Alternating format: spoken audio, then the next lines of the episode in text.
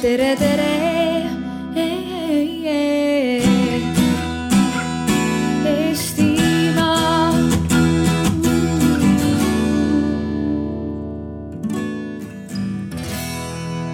Aga ma hakkan otsast pihta. et sellele arutelule sai selline väga julge pealkiri pandud, et kas järgmised äh, Skype'id ja Boltid võiks tulla Eesti teadusest. ja kui ma seda äh, nagu ikka Arvamusfestivaliga on, et kui sa seda arutelu teemat nii-öelda ära saadad, sel hetkel oli kõik väga hästi. lootsime et, et üks protsent Eesti teadus-arendustegevuse avalik rahastamine tõuseb ühe protsendini SKP-st. aga ei läinud niimoodi. ja olukord on natuke teine praegu, aga noh, me võime fantaseerida ikka, et või tänapäeval kipub poliitikas, ma ei tea, päike ja vihm väga kiiresti vahelduma. et kõik võib veel muutuda aga ma võib-olla teen väikse teema sissejuhatuse ja siis annan, tutvustate teie ennast. et mina olen siis Andi Hektor. ma olen füüsik, tegelikult isegi osakeste füüsik, aga ma olen kuidagi sattunud selle teaduse rahastamise ja, ja teaduse ettevõtluse suhtlemise või kommunikatsiooni teema peale ka millegipärast. Aga noh, mis mind nagu ennast on kuidagi äh, läbi viimaste aastate kuidagi paelunud või selline nagu küsimus, et äh, kui me vaatame Eest-, noh neid, neid teemasid, mis on Eestis nii-öelda, äh, milles me võime öelda, et me oleme maailmas noh head, et ütleme isegi väga head, siis on noh torkab silma sellised kolm võib-olla suurt asja ma alustan haridusest. meie üldharidus tegelikult on hea. me tegelikult ei tea, kas see on sellepärast, et meie haridussüsteem on hea või meie inimesed on haridussõbralikud. et seda me tegelikult ei tea. aga noh, ma oletan, et, et seal on mõlemad komponendid olulised. vaevalt, et meie üldharidus nii hea oleks, kui meil noh, inimesed oleks väga haridusvaenulikud noh, seda võib-olla olete kuulnud PISA testist, mis näitab tegelikult, et meie üldharidus noh, teatud parameetrites on maailma tipus. me oleme soomlastega samal pulgal, ütleme nii. samal ajal noh, meie haridus ei ole ju väga hästi rahastatud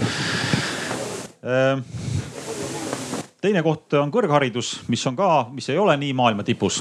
aga selle põhjus on võib-olla see, et me oleme lihtsalt väike riik ja meil ei ole selliseid vahendeid.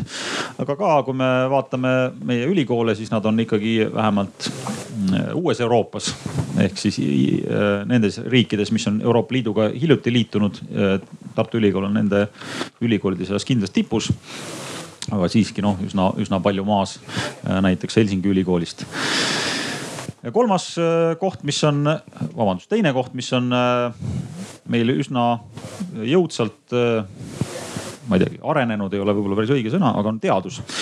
et kui me vaatame alusteadusi ja, ja ka rakendusteadusi Eestis, siis me ja, ja kasutame nende hindamiseks mõningaid statistilisi parameetreid. siis me näeme, et tegelikult Eesti selline äh, fundamentaalsem teadus on Äh, üsna võrreldav Soomega kvaliteedilt, mis on muidugi üllatav, sest raha hulk, mis me teadusesse paneme, on palju-palju väiksem iga teaduse kohta. ma tegin sellise huvitava arvutuse, et, äh, et Eestis maksab üks selline, äh, teaduses mõõdetakse viiteid, üks viide maksab Eestis kaks koma seitse korda vähem kui Soomes. et me suudame kaks koma seitse korda odavamalt teha sama head teadust kui soomlased ainuke, milles me ei suuda võistelda, on rakendusteadus kahjuks, et kui paber, pliiats ja isegi ütleme selline äh, odavam labor, sellega me saame hakkama, aga rakendusteadus, kus meil on vaja ehitada näiteks mõnikord, ma ei tea, katsetehas, mis maksab miljoneid, vot seal me jääme soomlastele alla. Ehm, ja kolmas suur äh, äh, selline huvitav ma ei tea, füüsikud ütlevad fluktuatsioon, et selline eripära Eestis on iduettevõtlus. et milles me noh üsna vaadates ajas tagasi, üsna raske on aru saada.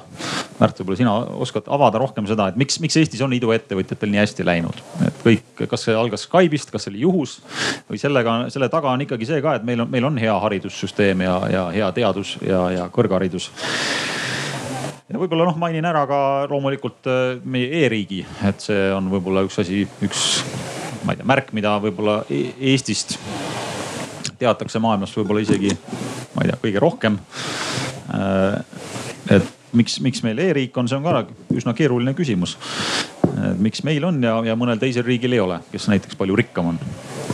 et see on see taust aga nüüd, kui me lähme, hüppame nendelt valdkondadelt meie ettevõtluse juurde. ettevõtlus on Eestis väga lai, meil tehakse väga erinevaid asju.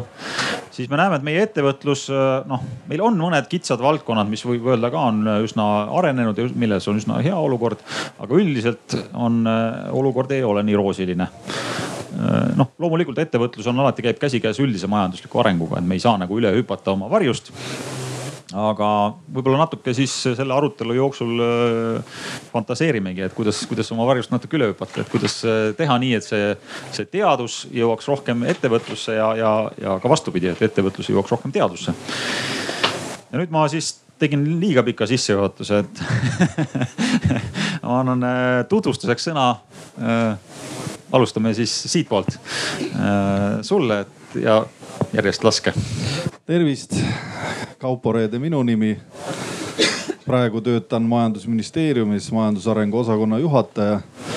aga võib-olla minu laiem taust on see, et ma olen olnud siis üle kahekümne aasta eraettevõtja ähm, muuhulgas siis oma kohustustelt äh, kuulun ka Eesti Teadusagentuuri nõukogusse. ja üldiselt on ka mind äh, läbi nii-öelda võib ju öelda aastakümnete saatnud see, et äh, ikkagi on mulle pakutud hindamiseks erinevaid teadusprojekte. nii et äh, teemaga päris hästi kursis. ja ma arvan, see, et ma lihtsalt, ma ei hakka nagu praegu pikalt nagu heietama, eks ju, aga, aga see, et millest sa alustasid, et justkui, et noh, nüüd on nagu väga kurb, et meil seda ühte protsenti kohe nagu pole, et, et noh, mina nagu ikkagi püstitan võib-olla meie diskussioonis mitu korda selle, selle nagu äh, teesi, et võib-olla ikka asi ei ole rahas alati, et võib-olla on küsimus nagu hoopis äh, suhtumises ja süsteemis. aga eks siis arutame tervist, mina olen Märt Aro. Ähm, võib-olla peaks mainima seda siis, et ähm, üks minu ettevõte on Dream Apply, mille ma olen ehitanud koos oma paari sõbraga. Dream Apply täna tegutseb äh, circa kolmekümne viies riigis. Ähm, pakub ülikoolidele tudengite vastuvõttu haldustarkvara aga kuna see läks suhteliselt hästi käima, siis äh, hakkasin tegelema EdTech ökosüsteemi, ühesõnaga startup'ide valdkonna edendamisega nii Eestis kui ka tegelikult viimasel ajal üle maailma. ja ma arvan, et see on see põhjus, miks sai mind täna siia kutsutud, et äh, üks organisatsioon, mida on kõvasti ehitatud nüüd viimastel aastatel, on näiteks äh, Nordic EdTech Forum, kuhu siis kuulub äh, haridusinnovatsiooni sada nelikümmend viis inimest umbes Põhjamaadest ja Baltikumist. et ähm, ma ei tea, kui kedagi konkreetsemalt huvitab, siis võib julgelt küsida juurde, ma arvan pärast ka. ja, et äh, meil on äh, nagu ikka Arvamusfestivalil, iga arutelu läheb tegelikult äh,, läheb kuskile puu alla ja arutatakse edasi aga äh, loomulikult on vahepeal võimalik ka vahele küsida, et äh, ma teen vahepeal küsimuste ringe. Äh, ja nii, et ärge muretsege, saate küsida vahele ka. tere, minu nimi on Kalev Kallemets, et olen olen äh, sellise ettevõtte nagu Fermi Energia tegevjuht ja asutaja koos äh, Sandor Liive ja, ja nelja äh, tuumaenergia haridusega noorega.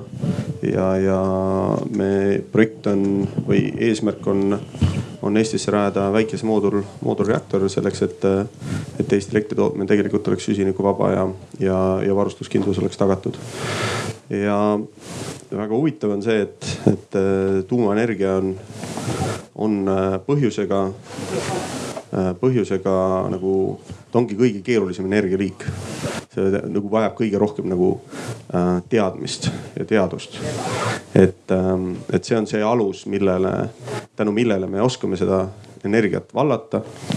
ja, ja see on miks ma olen siin, et, et sest see on, see on teadus, selle, see, see võimekus sellest aru saada äh,, seda juhtida, on selle asja vundament. enne olen töötanud äh, Eesti Geoloogiateenistuse asedirektorina, mis on ka väga teadusmahukas äh, riigiasutus äh,. ja, ja, ja, ja enne töötasin MKM-is selle just selle geoloogiateenistuse moodustamisega ja loodetavasti kaitsen siin paari nädala pärast ise doki ära tutvustuseks nii, aga mul on siis äh, väike soojendusküsimuste pakett teile välja mõeldud et natuke individualiseeritud ka. et Kaupo, võib-olla sa siis alustad. Ähm, ma küsin, et mis, mis sinu arvamus on, et noh, et kas Eesti, äh, kas Eesti ettevõtlus, äh, Eesti tööstus on ta, on ta praegu tark? kas ta saab kunagi targaks sinu arvates ja, ja kus me sellel skaalal oleme? Hakkame siis sealt otsast peale, et, et kas äh, kas Eesti tööstus on tark, eks ju, selles noh, muidugi peaks hakkama defineerima, et mida me siis ütleme, et mis on tark, eks. aga kui me nüüd hakkame. sul on võimalus defineerida. ma natuke nagu siin teen asja huvitavamaks. aga iseenesest äh, noh, peab ütlema, et tõepoolest Eesti, Eesti tööstus, Eesti ettevõtlus ei ole nii tark, kui ta võiks olla Äh, sellepärast, et kui me vaatame seda jaotust, et kus meil on siis nii-öelda kõrgtehnoloogilised ettevõtted, siis nii-öelda keskmiselt tehnoloogilised ettevõtted ja madaltehnoloogilised ettevõtted, siis noh, seal on väga selgelt näha, et meil ikkagi praegu nii-öelda on selle madalama otsa ettevõtteid tunduvalt rohkem, kui on neid kõrgema otsa ettevõtteid. Ja samas ei ole ka neid väga palju seal keskel. nii et selles mõttes minna on küll, et selle järgi nagu otsustades me saame öelda, et tõepoolest, et ei ole veel väga tark. Mis mulle endale väga suurt rõõmu valmistab, et kui ma nüüd vaatan puhtalt sellised nagu kvantitatiivset analüüsi või statistikat, siis ma näen, kuidas tegelikult iga aastaga nii-öelda see kõrgem ots kasvab. ja, ja, ja kui me veel sinna juurde paneme nii-öelda siuksed nagu mahud ja, ja, ja nii-öelda ekspordi, siis tegelikult meil selles nagu kõrgemas otsas on, on väga-väga hästi nagu on, on eksporti, on, on mahtusi. nii et, äh, et selles plaanis on, aga nüüd, kui ma jällegi tulen tagasi numbrite maailma, mis mulle meeldib, siis äh, ja mis ütleb, noh, peaks meid kõnetama selles osas, et kas me oleme tark või ei ole tark. et kui me vaatame, et mida nagu hinnatakse, noh, kuidas hinnatakse elatustaset, et elatustaset hinnatakse nõnda, et, et ütleme, et kui palju meil on praegu elatustase võrreldes näiteks Euroopa Liidu keskmisega. siis hetkel on see kuskil seal seitsmekümne kaheksa juures, noh meie eesmärk on aastaks kaks tuhat kakskümmend üks saada see kaheksakümneks, ma arvan, et ju me sinnakanti satume ka. Aga kui me nüüd jagame ettevõtluse nii-öelda teenusmajanduseks ja tööstuseks, et siis eh, kahjuks peab ütlema seda, et tööstuse lisandväärtus on kõigest mingisugune viiskümmend kuus protsenti Euroopa Liidu keskmisest. mis tegelikult näitab seda, et kui me tahame lisandväärtuses kasvada ja teha tõsist hüpet, siis see hüpe peab tulema tööstusest. võib-olla noh, selline nii et kokkuvõttes teenuste sektoris on nagu asi oluliselt parem kui, kui tööstussektoris. on nii ja, ja sellepärast ongi, et äh, aga noh, ega mõnes mõttes on see ka teataval määral niisugune evolutsiooniline, et, et, et me oleme lihtsalt sattunud sellesse, sel-, jõudnud sinnamaani, eks ju, et, et meil ei ole siiamaani olnud ka väga palju, ütleme tööstussektoris sellist nagu pindu tagumikus, et, et mis siin nagu suud-, noh paneks ekstra riske võtma praegu me oleme selles situatsioonis. tööpalgad kasvavad nii kiiresti, kasumid vähenevad ja selleks, et järgmise viie aasta jooksul üldse ellu jääda, tuleb juba võtta palju suuremaid riske, tuleb võtta uusi nagu tegevusi ette. sama sellest tuleneb ka praegu see digitaliseerimine, automatiseerimise nii-öelda see tööstuse neljas revolutsioon, mis muidugi kehtib üle maailma ja toimib igal pool, aga, aga noh, eriti on seda meile vaja. okei okay Märt äh,, iduettevõtlus on kindlasti noh, tark majandus, ma oletan või, või vaidled vastu? no üldiselt, kui vaadata inimesi, keda on vaja selle jaoks, et kokku panna üks tiim, kes suudaks midagi ära teha, siis äh, reeglina nad peavad üsna asjalikud inimesed olema jah, et ähm, muidu see asi väga ei lenda tavaliselt. aga Eestis äh, haridust kindlasti on toetanud seda väga palju ja ka teadus, ma arvan siiamaani, et äh, meil on ikkagi, kui haridustraditsiooni vaadata, siis Eestil on väga pikk äh, haridustraditsioon äh,. kahekümnendatel aastatel tegelikult Eesti haridusinnovaatorid olid maailmas juba silmapaistvad. et sealt on kindlasti jäänud mingisugune helg ka, ka tänapäevaks, ma usun aga noh, et ma tahaks ikkagi rünnata seda sinu konkreetset äh, päeva küsimust, et, äh, et äh, tegelikult ma mõtlesin, et teadlased ise võib-olla oleksid päris head nagu, et oleks hea panna vastamisi nagu startup'id ja teadlased. et vaadata siis, et mis sealt nagu välja tuleb. et mis, mis puudu nagu on täna sellest, et äh, või miks see fookus nagu teadusel ei ole selles, et sealt võiks tulla siukseid startup'e rohkem?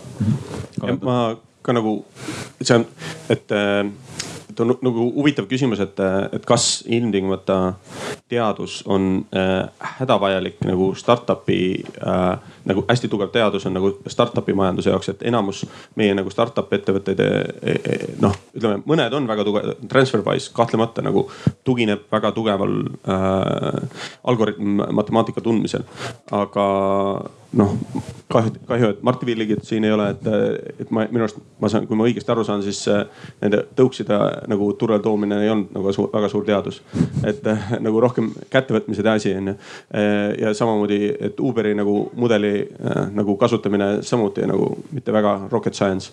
et kahtlemata on neid, neid, neid asju, Skeleton tuuakse näiteks, eks ole, mis on nagu teaduspõhised meie absoluutselt äh, üliväga olemuslikult peame olema ja teistmoodi ei olegi võimalik. aga ma ütlen natukene vaadates sada aastat tagasi, kuidas me nagu iseseisvuse saavutasime.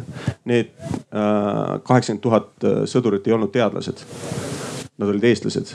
me võitsime selle sõja tänu sellele, et kõik üksused olid individuaalselt äh, algatusvõimelised. Minu jaoks on see nii inspireeriv lugeda Karl Partsi ja äh, Irvi ja Kuperjanovi ja nende teiste meeste kohta.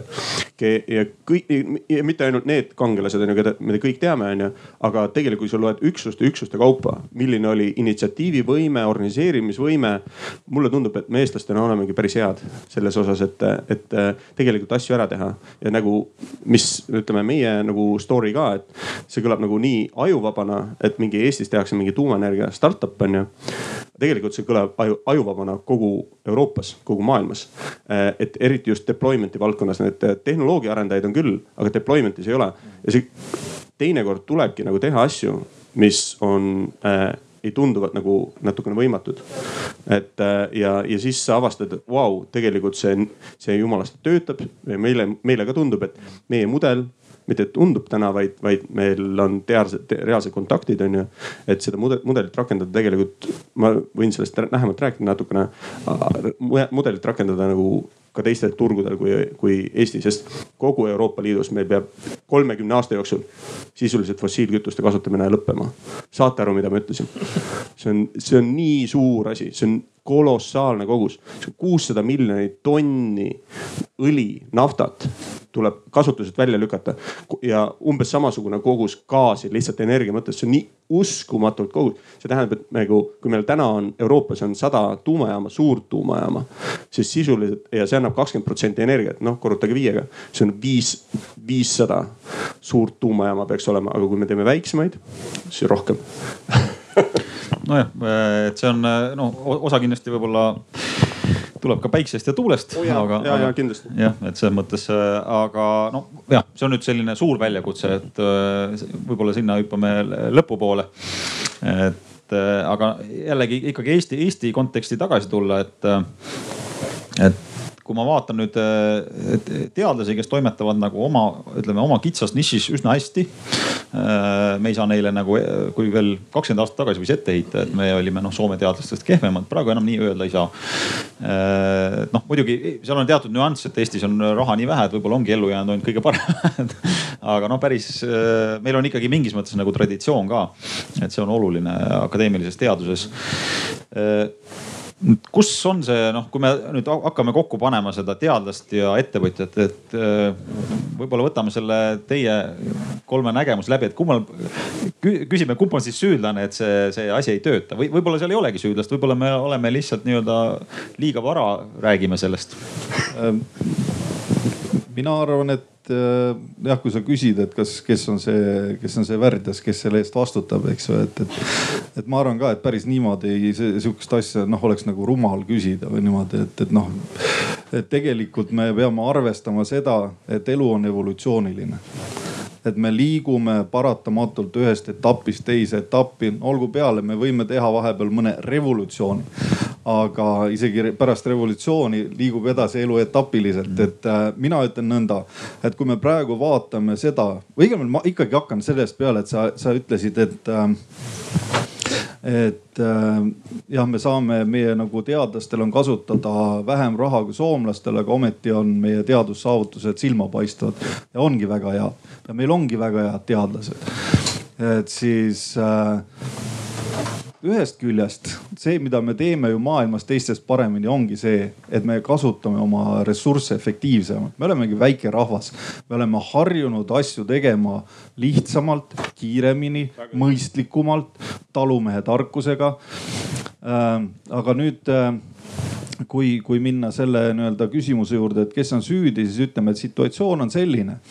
mina väidan ja, ja siin kindlasti meil on hästi palju vastuväiteid publiku hulgas. mina väidan, et meil ei ole pakkumisprobleemi selles skeemis teadusettevõtlusesse meil on pakkumist tegelikult omajagu, kui me võtame teaduse teekaardi objektid, kes, kes on siis rahastatud, kes ongi selleks äh, nagu võimalus antud, et, et, äh, et seda nii-öelda teadust arendada ja pakkuda ka teenuseid äh, ettevõtlusele.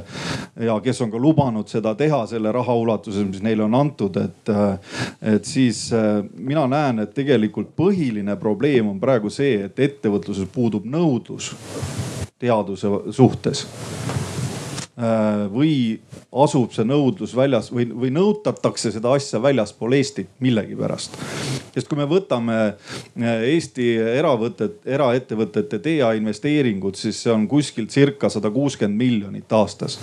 Sada kuuskümmend miljonit aastas hmm. ja sellest äh, Eesti teadusasutustesse või ülikoolide teadusasutustesse jõuab seitse miljonit. sada kuuskümmend, seitse miljonit. et, et nüüd me näeme see, et, et kus kus, eks ju, võib olla ka mingisugune probleem, et, et miks siis minnakse väljapoolt nõutama. peaks, aga veel kord, et me, kuna me oleme selle probleemiga tegelenud praegu üsna süvitsi, siis ma saan praegu väita, et meil ei ole probleem pakkumises. meil on head teadlased, meil on te, päris head äh, nii-öelda teadusinfrastruktuurid. aga mida pole, see on see ettevõtja, kes tuleks ja nõutaks seda teadust mm. -hmm. aga kas see noh, kas selle võib ka sõnastada, et meil on nagu riskikapitali puudus äh,? ütleme teadus teadusmahukamas otsas. IT valdkonnas on meil riskikapitali küll ja küll, aga sellist riskikapitali, kes julgeks minna äh, tegema natuke pikemaajalist asja, on nagu vähevõitu. jällegi ei saa seda öelda, sellepärast et kui, äh, kui vaadata jällegi no võtame, tõmbame selle nii-öelda nagu skoobi järsult laiaks, et ärme vaatame seda nii-öelda teadus- ja ettevõtluse rahastamist ainult Eesti-siseselt ja Eesti riigieelarve piires. tegelikult me oleme globaalne käituja, eks ju, me oleme üks osakene tervest suurest maailmast, kaasa arvatud üks osakene suurest rahamaailmast. mis tähendab seda, et mina väidan, et ükski hea ja läbimõeldud idee Eestis ei ole jäänud rakendamata raha taha. Ma võin seda väita ja, ja ka selles mõttes, et kuna ma, nagu ma eelnevalt nimetasin, ma olen lugenud väga palju erinevaid teadusprojekte, kes on tulnud ka rahastamist küsima. ja kui ei osata ära selgitada investorile, eks kui me noh, me ei räägi veel praegu, eks ju Eesti-sisesest riigi jagamisest, aga kui sa ei suuda Eesti seeski ära selgitada, eks ju. lihtsalt eesti keeles, et mis see sinu asja mõte on. et äh, siis välisinvestoritele, kus tegelikult raha vedeleb praegu, no tõesõna raha vedeleb. tulge ja korjake see raha ära maailmast, eks ju. lihtsalt ma ütlen, puudub harjumus seda raha korjata. tahaks Sest... kiirelt süstida siia vahele selles mõttes, et äh, sa jõudsid tegelikult otsaga täpselt sinna, kus ma tahtsin äh, hakata lahti arutama seda asja, et äh, mulle tundub, et rünnates nagu teadlasi natukene, et fookuses on täna ikkagi see, et saada võimalikult hästi viiteid, ehk siis teadlasi me hindame selle järgi, kui palju neid viidatakse rahvusvaheliselt. ja selle alusel ka tehakse ülikoolide ranking uid, ehk siis see on ülikoolide jaoks ülitähtis, et nende teadlasi viidatakse palju siis ma arvan, et nagu selles on, sealt hakkab nii-öelda see ökosüsteem lagunema juba, ehk siis äh, ma tahaksin võtta ökosüsteemi vaate, et võtta ette, et noh, et miks meil siis ei teki. selles mõttes, et alati on need inimesed on olemas, kes tahavad teha ettevõtteid, on ju, et, et äh, küsimus on, et millegipärast need head ideed nagu, mida annaks rahaks pöörata, sumbuvad ära kuskile. ja see on nagu üks põhjus selleks.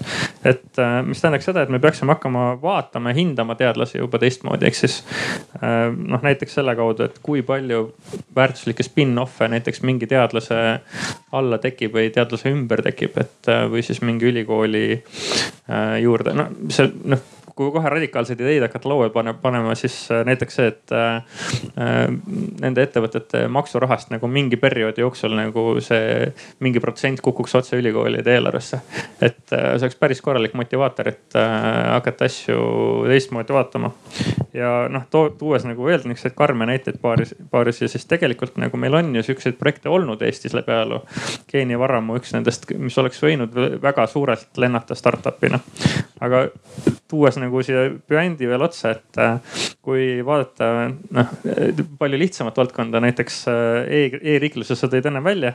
et äh, kui mõelda selle peale, et meil on tohutult hea e-riik praktiliselt null sellest eksporditakse. noh, selles mõttes, et ütleme mingi kahega sõrmedel sa loed üles need, need teenused, mis on eksporditavaks tehtud.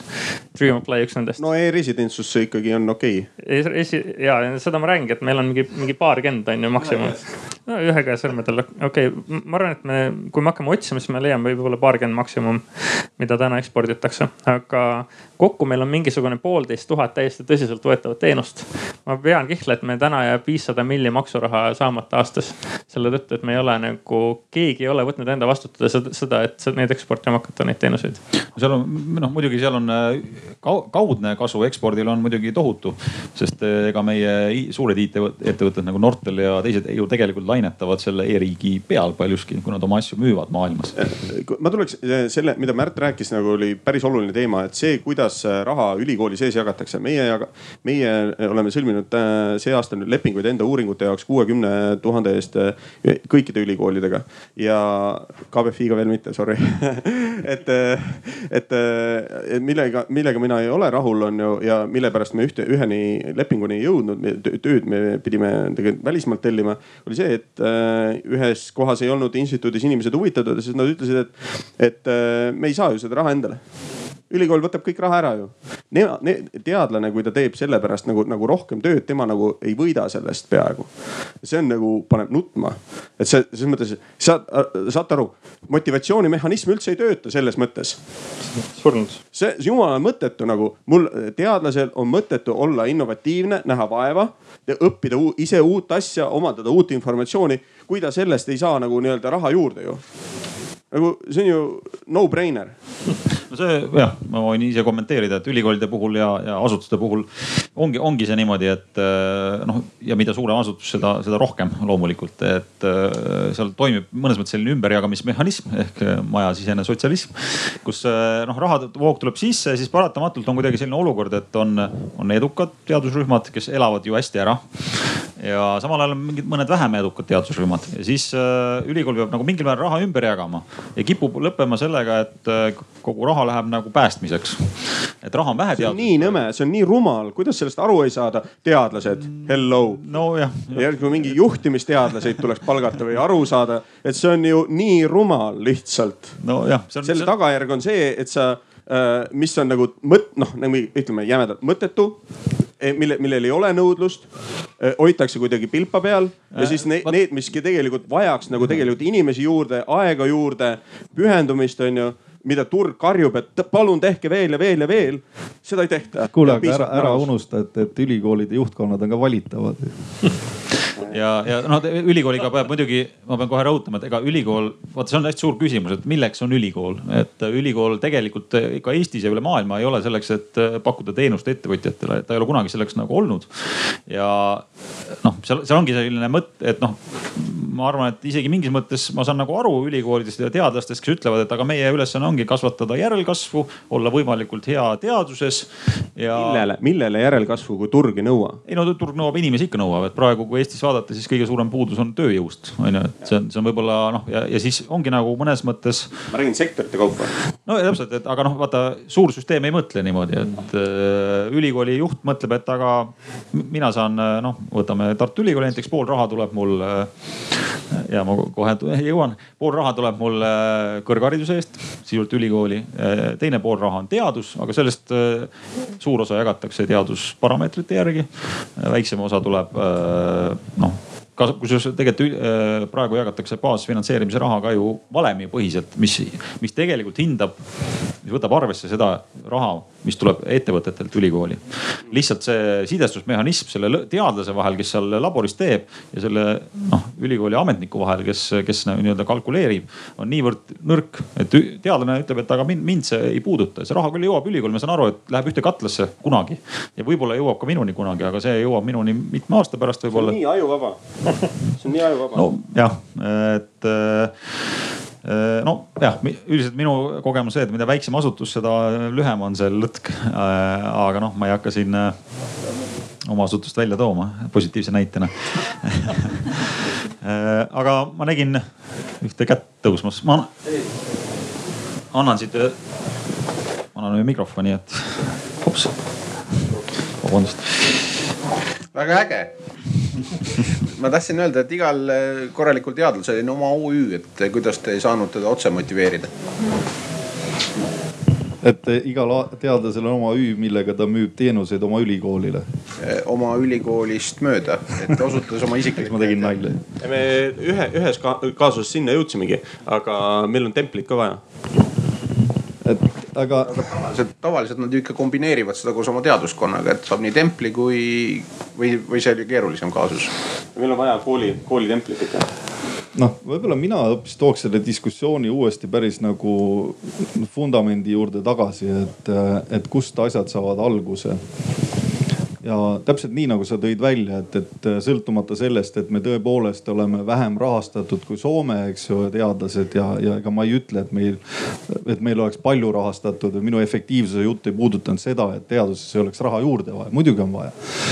aga jällegi ma pöördun oma evolutsioonilise maailmateooria poole, et, et tegelikult, mis mina märkan ja, ja millest ma olen nagu aru saanud, on see, et tegelikult asi puudutab ju koolkondi et teadus ju toimib koolkonnapõhiselt, et sul on olemas üks suur juht ja õpetaja, kes siis loob oma koolkonna ja, ja kelle juurest siis need jüngrid tulevad ja laiendavad tema, tema nii-öelda ideid edasi ja, või teevad siis midagi uut. Ähm, noh, mina väidan seda, et Eesti teaduses on väga vähe neid koolkondi, kes on võtnud vaevaks pöörduda näoga ettevõtluse poole. Lihtsalt puudub harjumus. Siin on noh, väga häid näiteid, meil on näiteks Mart Minn on väga hea näide, meil on äh, Mart Usta on väga hea näide, eks ju. Raivo Vilu on väga hea näide, meil on neid näiteid. Ja kõik need, keda ma nimetasin, kes on ise aktiivsed inimesed ja kes on loonud endale selle koolkonna, kuskohast jüngrid tulevad ja on harjunud juba sellega, et, et teadus ei ole mitte ainult iseenda naba vaatamine, vaid tegelikult tuleb ettevõtja naba ka piiluda natukene, et, et see käib lihtsalt noh, see on hügieenifaktor, et ilma, ilma selleta ei ole võimalik asju teha. Ma noh väidangi, et vot see koolkondade niisugune teke ja jällegi see on, see on üks asi, mis, mis meil on nagu puudulik. Mm.. seal on, seal on muidugi üks hästi oluline faktor on see, et see on väga õige, et ongi koolkonnad. Ja noh, nagu sa välja tõid need näited, need näited on kõik ju rakendus, rakendusteadused ja noh, Eesti häda ongi see, et rakendusteadus on tegelikult palju kallim teadus kui alusteadus. et rakendusteaduses on sul vaja kallist laborit ja, ja prototüüpseadmeid ehitada ja kõik, kõik see on väga kallis. ja sellepärast ongi Eesti noh, teadus nihkunud äh, rohkem alusteaduste poole ka mõnes mõttes, ka, me, ka mentaliteedis mm. -hmm. mitte, et see nagu tingimata halb oleks, sest noh, meie alusteadus on väga tugev tegelikult. aga li lihtsalt äh, alusteadlane paratamatult teeb vähem koostööd ettevõtlusega, et äh, osakaste füüsik, noh mina olen osakaste füüsik, ma, mul, mul on neid kokkupuutepunkte praktilisi mm -hmm. Eesti ettevõtlusega väga vähe, ma võin öelda.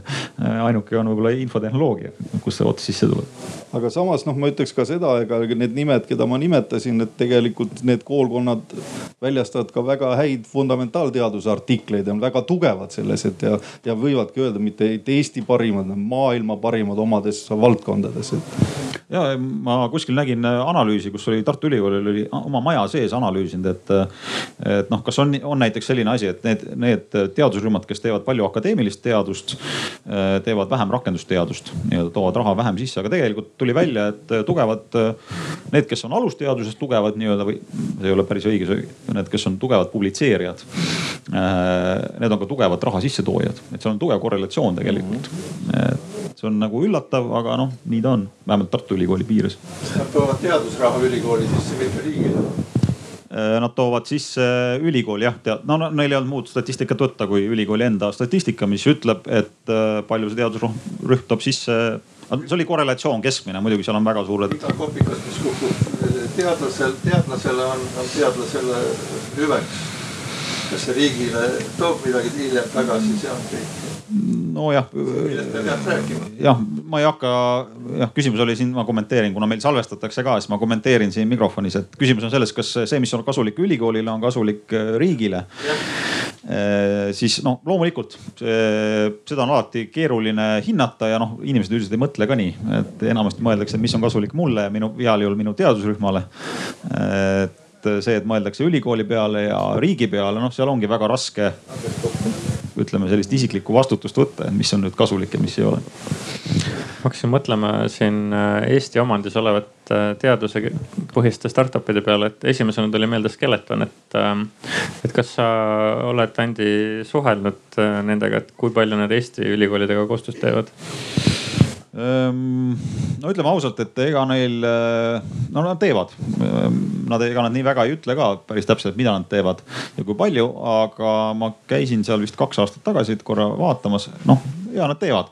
ja noh, nende puhul muidugi jällegi mina alati noh tunnen kuidagi seda, et mm, võib-olla olulisem ei ole mitte see koostöö, vaid oluline on see, et see on välja kasvanud.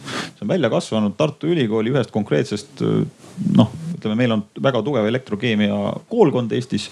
sealt on välja kasvanud tegelikult äh, palju ettevõtteid, seal on Skeleton, seal on Elcogen, kes teeb kütuseelemente. tegelikult nüüd on juba tekkinud mitu kütuseelementide ettevõtet. Lusti on see akadeemia. Lusti. Äh, no Lust on see inimene jah, kellest, kes need asjad on nagu välja kasvatanud. Äh, et noh, jah, okei okay,, see on pikk, pikem lugu, ärme lähme detailidesse, aga noh, see, see näitab seda, et kui sul on tugev isiksus, kes on tugev teadlane, samal ajal ta on avatud ka koostööks ettevõtlusega.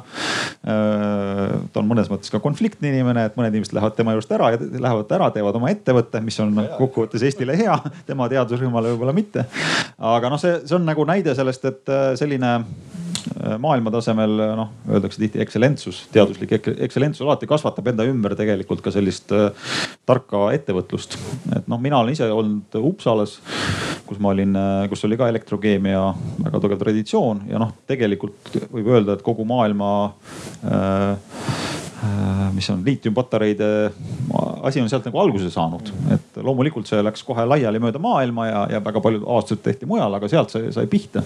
algas pihta ja siiamaani on neil väga tugevalt noh, tugevad sidemed aga jah, et, et nüüd jällegi mulle ikka meeldib alati minna sinna algusesse uuesti tagasi ja, ja, ja, ja esitada siis uuesti endale see küsimus, et, et kas, kas järgmised äh, Transferwise'id ja, ja Skype'id ja Boltid tulevad nagu teadusest, et nagu niimoodi küsida minu käest, et kas siis tulevad. ma mõtlen, kus kurat mina tean, eks võib-olla tulevad, võib-olla ei tule, eks ju. ütleme, et süsteemselt seda väita ei saa eks ju, see on see, mis sul siin rinna peal, kus sa tead, eks ju. et eh, noh, praegu mina võin küll väita seda, et meil puudub selline süsteem, mis võimaldaks jälle nii-öelda süsteemselt jõuda nagu sellele spin-off'ini, eks ju. et, et, et puuduvad sellised nii-öelda teed või noh, kuidas me nimetame, rajad, kuidas, kuidas see on, sest lõppkokkuvõttes on niimoodi. kõik inimesed ei saa olla ettevõtjad, kõik teadlased ei tohi olla ettevõtjad äh,. Ini, ettevõtlikke inimesi ikkagi ühiskonnas reeglina suurtes plaanides on kuskil kümme protsenti mm. Need on need inimesed, kes võtavad ette, riskivad, teevad ja, ja, ja, ja, ja siis on nii-öelda need ettevõtjad, eks. Ma arvan, et samamoodi on teadlaskonnas teadlasi on promill populatsioonist. ja, ei ma ütlen noh, kui sa võtad nüüd ainult teadlased ja nende hulgas siis need ettevõtjad, et noh, sealt tuleb umbes samamoodi, eks võib-olla natuke vähem, eks. et äh, aga, et noh, jällegi on see asi, millest nagu mööda ei tasu vaadata, aga alati on see süsteem, et näiteks kui me nüüd mõtiskleme selle peale, et miks meil, miks meil Eestis on läinud niivõrd hästi. noh, et kui me võrdleme kõiki neid teisi riike, kes olid sellel samal momendil, eks ju, näiteks kui me taasiseseisvusime uuesti, olid äh, enam-vähem samas situatsioonis et miks siis on Eestil erakordselt hästi läinud? ükskõik kui palju me vingume ja viriseme ja ütleme, et kurat, kõik on pahasti ja eks ju ja kurat, ma ei tea, tuleb neid, neid telliseid. ongi hästi. aga, aga see ongi see, et, et meil on olnud süsteemne töö kogu aeg, sest me ei ole saanud hakkama sellega, mida me siseriiklikult teeme, sest need riigid, kes jäävad nagu siseriiklikult iseennast passima, on kõik kaotajad eriti väikeriigid, ma ei räägi miljoni riikidest ja miljardi riikidest, eks need saavad nagu siseturu pealt ka enam-vähem hakkama, kuigi nemad ka ei saa ise hakkama. et siis, äh, siis tegelikult seal ongi see point, et mina väidan seda, et millest on võib-olla ka vähe räägitud, on see, et kui meie jaoks on niivõrd elementaarne, et kui me räägime ühest normaalsest ettevõttest, kes on võimeline inimestele maksma keskmisest kõrgemat palka ja, ja mõtlema välja uusi tooteid ja teenuseid, et siis, siis see ettevõte ei ole kunagi edukas, kui ta on Eesti, Eesti-sisene ettevõte.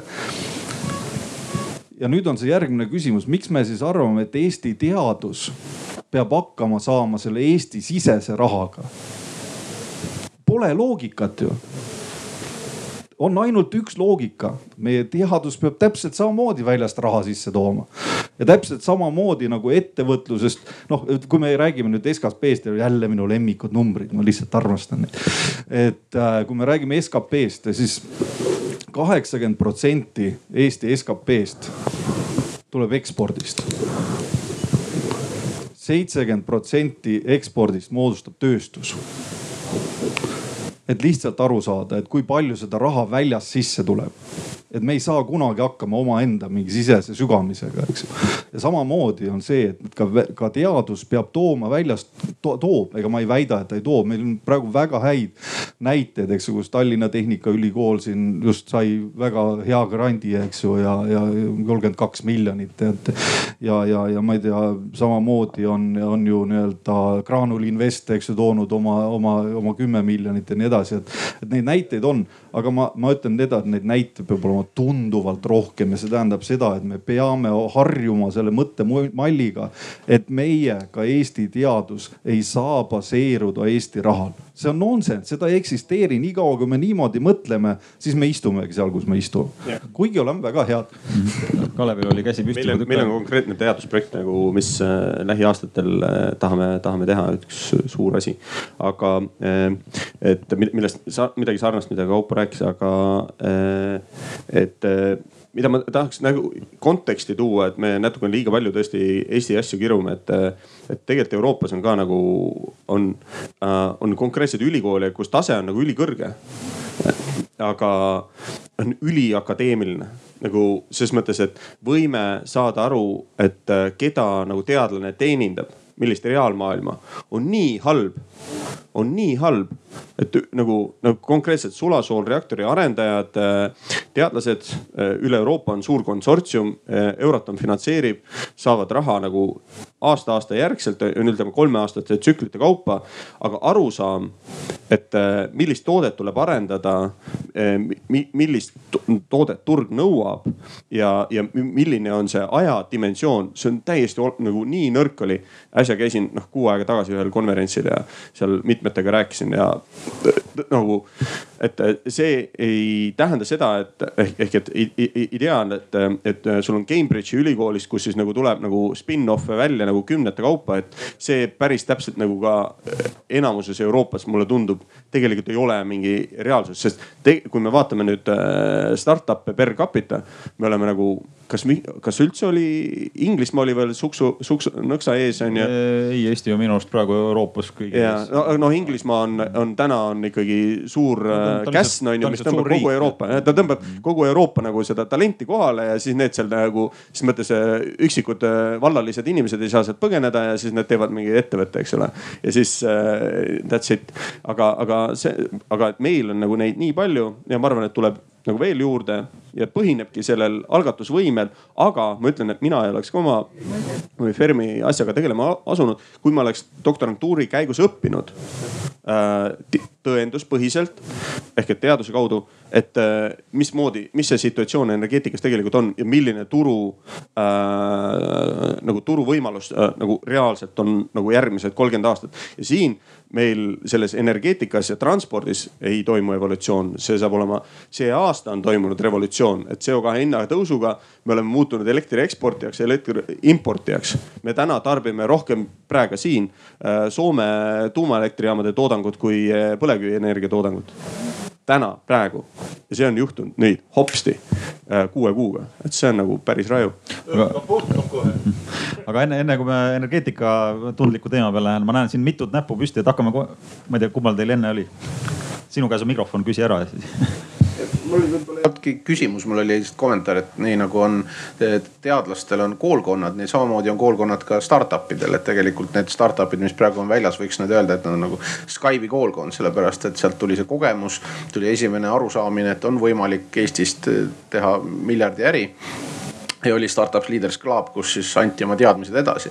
et võib-olla kui tead, teadusasutused tahaksid eh, samasugust ettevõtete koolkonda teha, siis tuleks need edukad eh, Skeletonid ja, ja Selli ja nende juhtkonna inimesed ka koondada mingisse klubisse, kus nad saaks järgmistele oma koolkonna teadmised edasi anda, et. selline plaan on täitsa olemas no,. väga hea no ja üks võimalus on kindlasti luua startup'e nendesamade tööstuste ümber, eks ole, et, äh, et siis väljast äh, neid ärimudeleid äh, lõhkuda või sundida selleks muutuseks, et võib-olla see on midagi, mida majandusministeerium saab täiesti teha. No.. aga ma tegelikult tahtsin küsida seda, et, et kas missioonipõhisus, et kui ma vaatan nagu Kalevi otsa ka, kes noh, mingis mõttes on lähedal sellele missioonipõhisele teadusele, et lahendame mingeid konkreetseid ühiskondlikke probleeme ja energiapööre on ju üks kõige suuremaid vajadusi praegu üldse, mis on võib-olla hea viis ületada seda teaduse, ettevõtluse ja ka selle ühe protsendi lõhet, et, et samamoodi vähiravi, Alžeimer ja noh, neid ühiskondlikke suuri väljakutseid on ju enam veel. et kas me kasutame võib-olla seda ära, sest e-riik on võib-olla üks selline näide, kus teadus ja rakendus viidi ka tegelikult teenuste kaudu kokku. Ja, ja noh, ega siis ettevõtja ja teadlane ei ole nii väga erinevad, et nad lahendavad probleemi erineval tasemel, et ega ettevõtja lahendab ju ka probleeme, et ma ei tahaks öelda, et see ettevõtlikkus ja ettevõtja on mingisugune limiteeritud oskus, et, et ega samamoodi peab teadlane olema, kes kirjutab projekte, mõtlema uutele asjadele, kes on kogu aeg konkurentsis, ega see on ka ettevõtlikkuse vorm. nii et selles mõttes, et see ei ole kuidagi limiteeritud sellele, kes oskab osaühingu põhikirja kirjutada, et selles mõttes see ettevõtlikkus on kindlasti palju laiem teema ja kõik ei saa ettevõtjad olema, keegi peab selle töö ka ära tegema. no ma kohe kommenteerin seda noh e-riigi poolt, et noh, IT-s on selline õnnelik olukord, kus saab tegelikult ma arvan, teist sellist valdkonda võib-olla ei olegi, kus saab väga palju asju teha õhinapõhiselt. et seal piisabki sellest, et inimene istub arvuti taga ja teeb asjad ära. et ta teeb oma prototüübi valmis ja sellest piisab, et panna uskuma, ütleme otsustajad, et see asi töötab.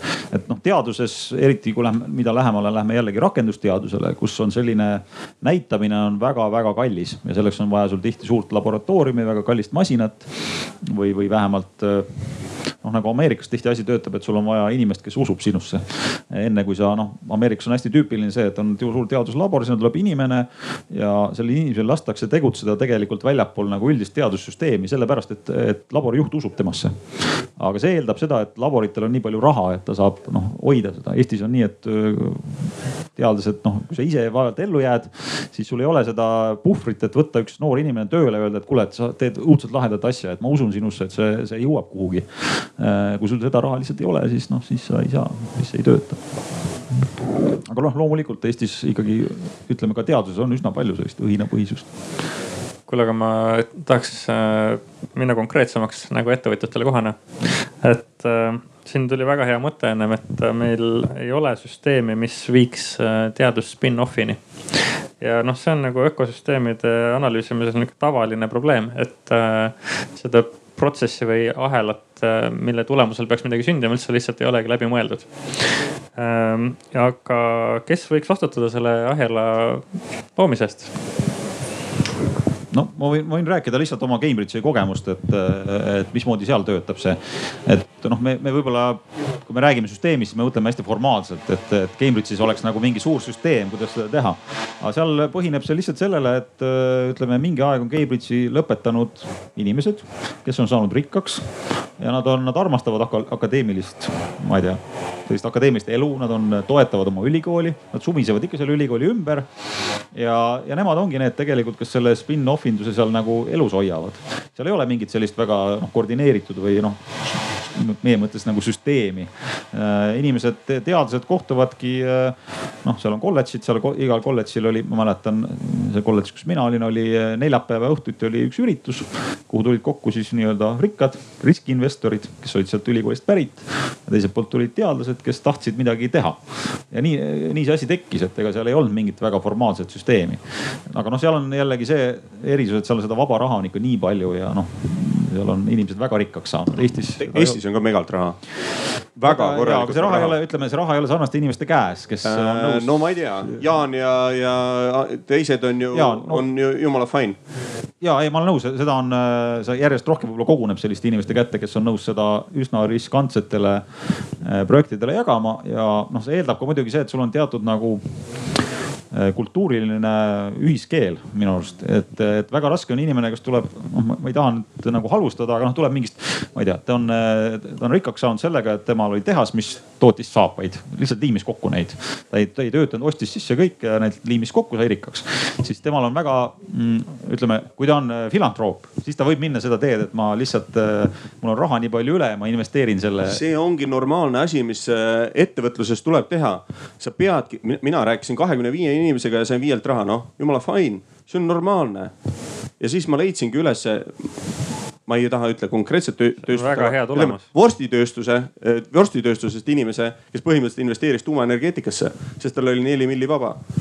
noh, normaalne, ei, ta ei pannud neli onju, aga noh äh, pani sellest ühe protsendi ja see on jumala okei okay.. et äh, aga ütleme, me leidsime inimesed täiesti mitte sellest valdkonnast on ju meie, meie nagu tuumaenergia valdkonna, energeetika valdkonnast mm. ja me leidsime need inimesed ülesse ja ma usun, et äh, kui sa hakkad mingit tervisetoodet vaatama, see, see on, see on uskumatu, sa lihtsalt leiad nagu inimesed, kellel mingi klõps käib onju ja saab aru, et vot selles asjas on potentsiaal ja äh, me arutasime ka nagu kellegiga, et äh, kas me peaks nagu riigi käest hakkama mingisugust raha küsima.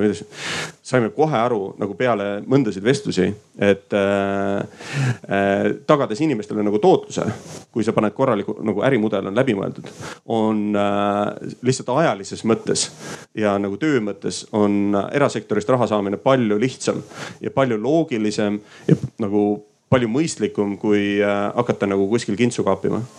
aga nüüd tulles jälle tagasi selle sinu küsimuse juurde, et, et kes seda peaks tegema, eks et, et proovime äkki nagu mõelda siis koos, et kes seda peaks tegema et, et loomulikult ma arvan, et hakkame jälle kõige lihtsamatest ja fundamentaalsematest tõdedest peale, et kõik see, mis toimub nagu ülikooli seinte vahel, on suure tõenäosusega ülikooli, ülikooli enda teha, eks ju, et, et keegi ei lähe ülikooli sisse ja, ja minu arust niimoodi ei tohigi olla.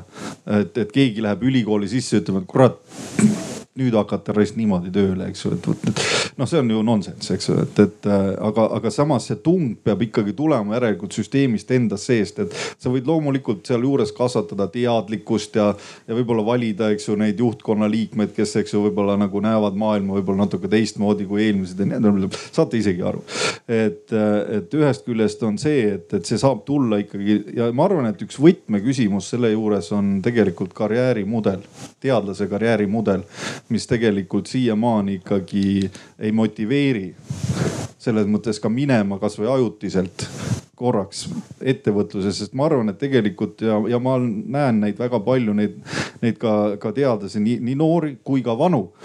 Äh, või ütleme siis mitte vanu, kogemustega. et, äh, et kes tegelikult tahaksidki minna ja, ja tehagi paar, paar aastat, paar, kolm-neli aastat kuskil ettevõttes midagi. aga samas nad saavad aru, et kui nad välja astuvad, siis tagasiastumine on praktiliselt juba võimatu.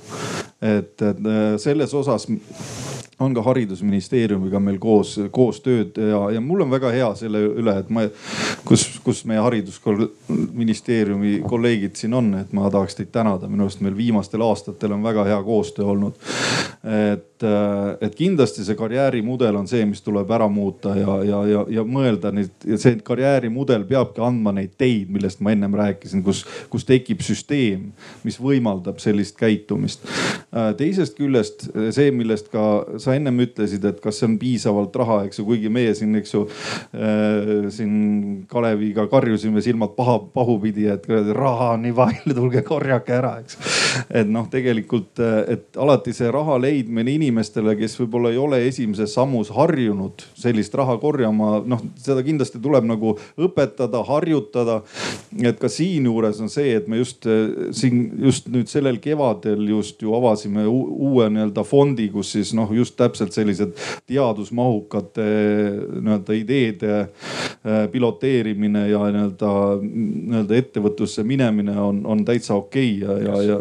ma küsin vahele, kui sa smart cap'i mõtled. jah nii et, äh, et noh, neid võimalusi on, aga, aga veel kord, et, et küsimus sellest, et mulle väga meeldis sinu küsimus, et kes nüüd mida siis nagu tegema peaks, teeme, eks ju. ma, ma ütlen selles mõttes veel kord, et, et ülikool on väga oluline komponent, kellega peab tegelema, kes peab iseendaga tegelema. aga teisest küljest kindlasti meie majandusministeeriumis peame tegelema sellega, et eh, nagu ma ütlesin, see põhiasi, mitte pakkumises ei ole probleem, nõudluses on probleem. ja, ja sellega tuleb tegeleda ja sellega me kindlasti tahame tegeleda. no see nõudluse pool ah,, ma ei pannud tähele, vabandust. seda saab visata ka. okei okay aitäh, et äh, natuke jah, mind pani ka käima see küsimus, et eks ju, kes saab mida teha, sest noh, ilmselt me peame kõik nagu enda otsa vaatama. Äh, ja noh, minnes nagu veel lihtsamaks, äh, veel rohkem nagu, mis see ülikool seal teeb. noh, mina ei tea, et Tartu Ülikoolis oleks näiteks lihtsalt mingi startup'i kursusi. et noh, kui me räägime sellest, et see tudengil või noh, nii-öelda nagu teadlaseks pürgival tudengil, tal võib-olla nagu väga palju ei olegi seda mõtet, et noh, rakendaks oma asju. aga teeks siis näiteks magistri tasemel või siis doktori tasemel mingeid valdkondade üleseid, kus nagu eesmärk ongi, et tehke prototüüp valmis, noh kohutavalt lihtne, aga, aga see võiks. noh, see on nelikümmend kaheksa tundi, eks see ei ole päris see. et kui ikkagi mõelda nagu selle teadusmahuka, teadmismahuka nagu tehnoloogia arendamise peale, siis noh, minu meelest see oleks nagu üks väga-väga lihtne viis nagu, et noh noh, kui ma olen nagu võib-olla niisugune tudeng, niisugune doktorant, kes nagu täpselt ei tea, et kuhu poole ta kaldub, et siis noh, võib-olla üksi nagu päris ei ole seda initsiatiivi, et hakata mingisugust startup'i tegema, aga äkki mingil sihukesel kursusel nagu täitsa läheks sinna paati. no minu jaoks on see küsimus selles, et tudeng võib-olla on liiga vara selles mõttes, et äh, noh, selleks, et inimene suudaks nagu teadusmahukat äh, noh, sellist, mida, mida mina mõtlen teadusmahuka all, ütleme. mis on see soodumuse? no soodumust ja sa võid kursusi teha loomulikult, et aga noh, ütleme noh, jällegi vaadates mul on Helsingi ülikooliga, Uppsala ülikooliga kogemust ja, ja Cambridge'iga. ega seal üheski neist minu arust ma ei mäleta, et oleks õpetatud sellist asja. see lihtsalt tuleb selle töökultuuri käigus, et tudeng, doktorant, eriti doktorant istub laboratooriumis, kus ta näeb, et tema professor pidevalt käivad firmadest inimesed rääkimas. ta istub seal kõrval tihti, neil on ühisseminarid, et ta, ta nagu igapäevaselt nagu seda, seda on noh, ega ettevõtlust ongi raske nagu õpetada minu arust või sellist noh. ja aga samas ma olen Kajaga nõus, et, et tegelikult noh, kui me ütleme niimoodi, et ah, et ja, et küll need koolkonnad toimivad eks nad siis kunagi siis kahekümne aasta pärast on meil tohutu õitseng, eks ju, et, et noh. ma arvan, et see on kompleksne küsimus, aga üldse teadus on väga kompleksne. et, et tegelikult ma arvan, ka see on oluline, et see on üks komponent, mis võiks jälle aidata, eks ju, seepärast, et käivitid on erinevad, eks ju, igaüks käivitub väga erinevates kohtades. ja mõni inimene käivitub seal, kus kohas ta saab kuskilt mingisuguselt kursuselt, mingisuguselt seminarilt saab selle, aa kuule see on nüüd minu koht, eks ju. ja, ja, ja selles mõttes, et, et ärme neid teid nagu kinni pane, eks ju, et, et muidu me hakkame nagu välistama, eks ju, erinevaid teid, eks ju, paneme ise kõik teed kinni, eks ju, et, et. et no mulle meeldib see mõte ma nägin kätt püsti aega. agentuurist, et ähm, minul selline mõte, et kui siin oli, et kes mida peab tegema ja neid ma olen jumala nõus, Kaupo sinuga, et neid, ähm, neid tegemise viise on õige palju. aga, aga kui mõelda, et äh, kust tekib idee, idee tekib tavaliselt siis, kui mitu inimest kokku saavad. ehk keemilises reaktsioonis on, kui kaks aatomit saavad kokku või kaks molekuli tekib ja kui on ergastus, tekib uus aine. et kas siin ei oleks üheks sihukeseks viisiks, arvestades meie arengutaset, kus meil teadus on ilmatu kõrge ja ettevõtlus alles nii-öelda kerkib.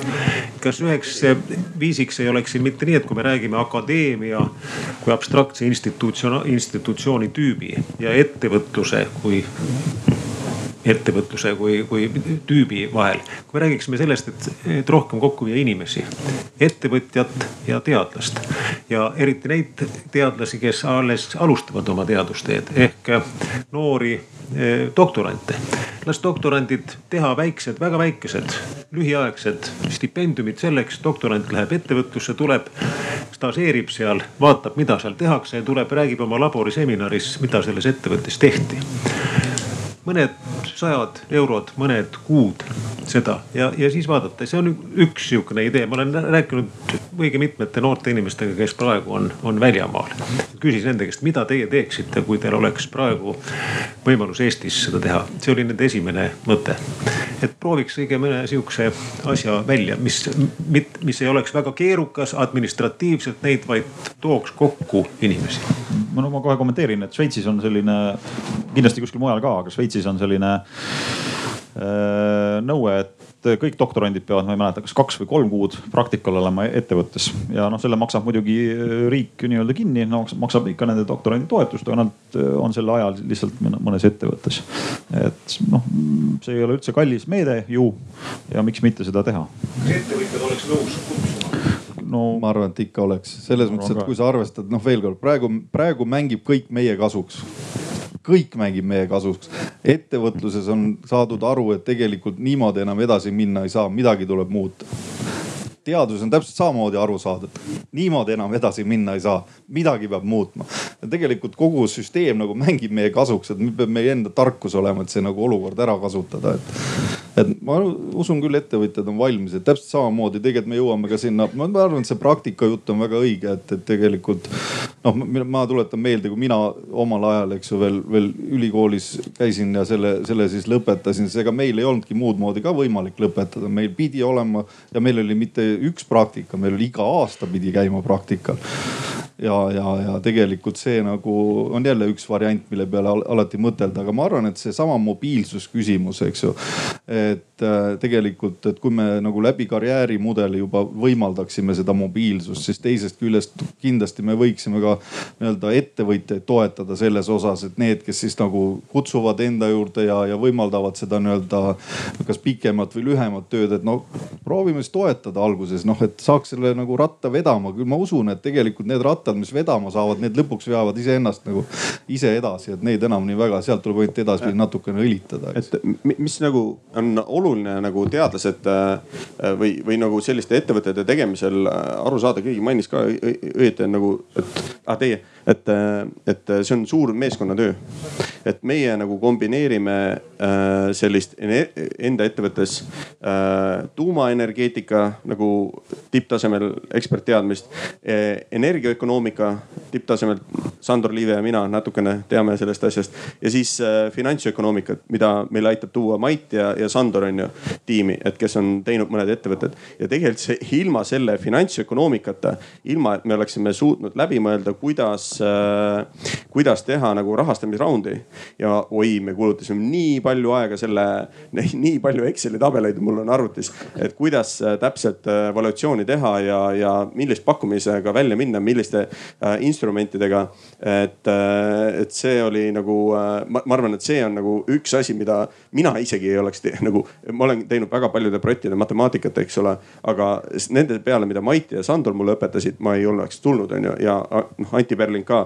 et, et see on asi, mis ma arvan, et paljudel, kes, kes, kes ei ole nagu kokku puutunud, on, ma arvan, nagu täielik vau wow, alkeemia.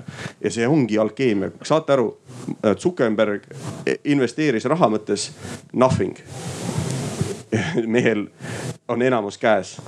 Või siis äh, samamoodi need äh, Kristo ja, ja Taavet on ju mida nad investeerisid ja mille otsas nad on täna.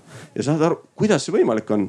Ja siis saad aru, ahaa, seal on teatud pisikesed asjad äh, on, mis tuleb õigesti aru saada, onju ja siis saad aru, ahaa, see on oo. Ahah ja tervist, lihtsalt paar kommentaari siia, et kui, kui siin oli juttu sellest, et ülikoolide juur-, ülikoolid võiks nagu soodustada või kuidas soodustada siis sellist spin-off'ide tekkimist, et tegelikult ju nii Tartu Ülikooli kui ka TTÜ juures on sellised nii-öelda kiirendid või noh, mitte niisugused programmid olemas. Mektori Tartus on ka olemas igasugused starter programmid, et kuhu sellised nii-öelda erksamad pead saavad nagu kokku tulla ja, ja leida siis võib-olla mõttekaaslasi või siis pannagi oma tiim kokku ja kui ühel on idee ja teistel on nagu võimed, et siis tegelikult selliseid asju, selliseid äh, nii-öelda programme on äh, minu, minu, minu hinnangul päris uhkelt. ja kui nüüd äh, siin kommentaar oli ka, et võiks ka nii-öelda võib-olla õppekava juures soodustada siis sellist ettevõtlikkust, et siis näiteks üks õppekava, üks magistriõppekava, mille väljatöötamise juures ma ise olin ka, oli Tartu Ülikoolis on selline õppekava nagu materjaliteadus, mida siis, mis on pooleldi nagu keemia, pooleldi füüsika. seal väga suurt nagu nõu, ütleme sellist tungi ei olnud sellele erialale ja siis saadi aru, et võiks seda reformida. ja siis sellele saigi juurde põimitud siis selline ettevõtlusmoodul ehk siis tegelikult selliseid huvitavaid tehnoloogiaid on nii füüsika kui ka keemia instituudi juures päris palju, mida oleks võimalik kommertsialiseerida.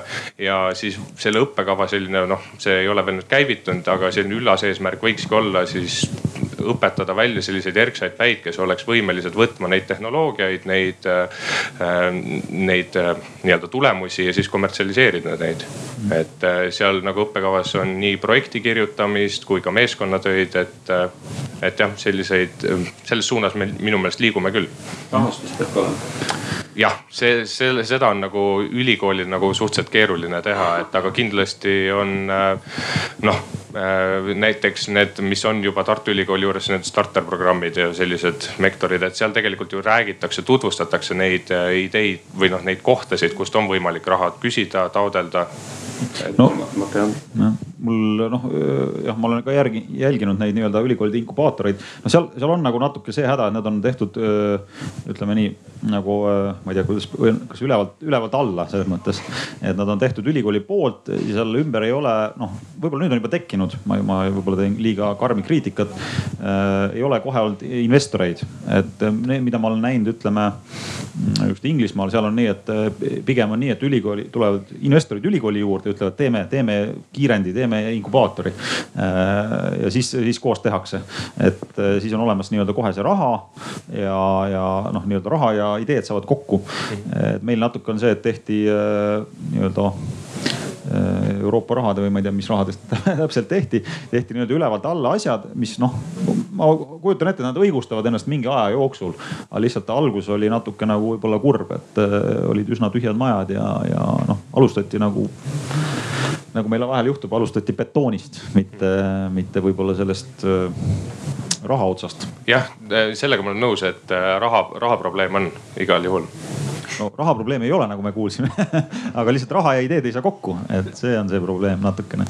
aga noh, see, see probleem ka minu arust ajas nagu ikkagi jääb väiksemaks ja noh ütleme, üks tehniline meede, nagu Kaupo ka ütles, tegelikult on natuke see probleem, et meie noh, akadeemilises sfääris on ikkagi, meil on ettekujutus nagu karjäärimudelist selline, et ma alustan doktorandina, siis olen äh,. mis eesti keeles on see järgmine aste nii-öelda, vanasti oli dotsent on ju, siis olen professor äh,. ja siis õnnelikult äh, võib-olla kunagi akadeemik äh,. et äh, noh, nagu mingeid muid selliseid võimalusi ei ole seal, et nii kui sa lähed sealt aastaks välja sellest süsteemist, siis sa jääd kohe, sul publikatsioonid kukuvad ära, ütleme, sa oled eraettevõttes ja sa ei saa enam tagasi sinna, sa ei saa järgmist raha. ja noh, seal see risk tuleks nagu maandada ära, ma ei tea, kas noh, siin on ju räägitud tagasipöördumise grantidest, mis on muidugi jällegi jäänud rahapuuduse taha. et selleks on vaja ka raha, kuna olemas, olemasolevat grandi mahtu on niigi vähe, siis me ei saa nagu ühtegi uut asja ka katsetada, kui raha juurde ei tule, sest noh, olemasolevat raha ei saa ka, seal on konkurss juba nii kõrge, et seda ei saa ära võtta. ma just vaatasin järgi, et äh, grantidele minev raha on olnud sama aastast kaks tuhat kaheksa vist. Nojah, aga see oli noh marginaalne, et et kujutame ette, kas mõnes valdkonnas on olnud nii, et, et üle kümne aasta pole raha kasvanud? ma lihtsalt äh, kiirelt kommenteerin seda, kui oluline küsimus see tegelikult on, mida sa just äh, arutlesid. et äh, sai käidud külas Google'i peakontoris Silicon Valley's ja seal toodi ekstra välja seda, et äh, seal soodustatakse seda, et inimesed, kellel on ideid, kes tahavad neid realiseerida, võiksid minna välja majast, teha asju, mida tahavad. kui ei lähe hästi, ta on alati tagasi oodatud ja noh, selline nagu üleüldine organisatsiooni kultuur on juba niimoodi ehitatud. et see ongi nagu normaalne, et inimesed käivad ära ja teevad ja katsetavad ja see nii peabki olema. no ütleme Ameerika ülikoolides on ka, see on, see on nii-öelda see, et äh, vaba aasta, et iga nelja aasta tagant võid sa siis ühe aasta vabaks võtta ja saad tagasi tulla. Aga no see on ikkagi nii, et sa lõpuks eh, noh kannatad nagu eh, sinu töökoht jääb alles, Ameerikas ka, kuna sul publikatsioone võib-olla ei tule. see, see tegelikult Ameerikas oli mõeldud selleks esialgu, et minna teise ülikooli, teha ikkagi sama, samal erialal sama asja edasi. siis nüüd on, nüüd on üritatud seal ka minna seda teed, et sa võid minna ka ülikoolist välja ettevõttesse. ja no mis on jälle huvitav te,, teine huvitav tendents on see, et Ameerika suured ettevõtted, näiteks Google on ka hakanud ütlema, et tema soosib seda, et tema tema töötajad publitseerivad. et sa võid ka Google'is töötada ja ikka publitseerida noh teadusartikleid, mis on ka huvitav tendents, aga noh, see on juba natuke. mul on üks küsimus ökosüsteemi kohta veel, et äh, kas sellist muljet ei ole, et meil on nii-öelda euroraha kuldsed käerauad, ehk siis, et äh, taotletakse raha mingisuguse projekti jaoks, see projekt võib-olla isegi ei ole pädev, tuleb välja kaks kuud, kui on juba raha kasutatud ja. kuna on äh, raha tagasi anda ei saa, et siis tuleb see lõpuni ära kasutada. ja siis äh, tegelikult targad inimesed istuvad kinni, teevad mõttetut asja kolm-neli aastat päris nii ei ole, selles mõttes, et, et ütleme, pigem on probleem, ma ei tea, kas on probleem. noh, mina olen Horisondi programmidega näinud küll seda, et taodeldakse ühel teemal, saadakse raha, aga tegelikult tehakse selle eest nii-öelda mõistlikku asja mida on nagu kurb öelda, aga noh, on, on see, et teadus areneb noh, mõnes valdkonnas lihtsalt nii kiiresti eest ära ja sa ei saa nagu äh, Horisondi projektid on üsna jäigad. sa kirjutad oma äh, mis need on, milstone'id. ühesõnaga sulle antakse, antakse võimalus üle lasta see projekt tegelikult või? no seda ei kontrollida lihtsalt nii noh täpselt ja sa võid noh, lepitakse sellega, et sa teed tegelikult mingit muud asja, aga noh. et ega noh, tegelikult ju võib-olla noh kuidagi, ma ütlen praegu mööda, aga noh, ega teadus on ka ju kunst tegelikult, et, et ehk siis selles mõttes, et sul ei ole kunagi teada, mis see tulemus tegelikult võib tulla, eks ju. ja samamoodi noh, et, et kas, kas me oleme seotud nende kuldsete käeraudadega.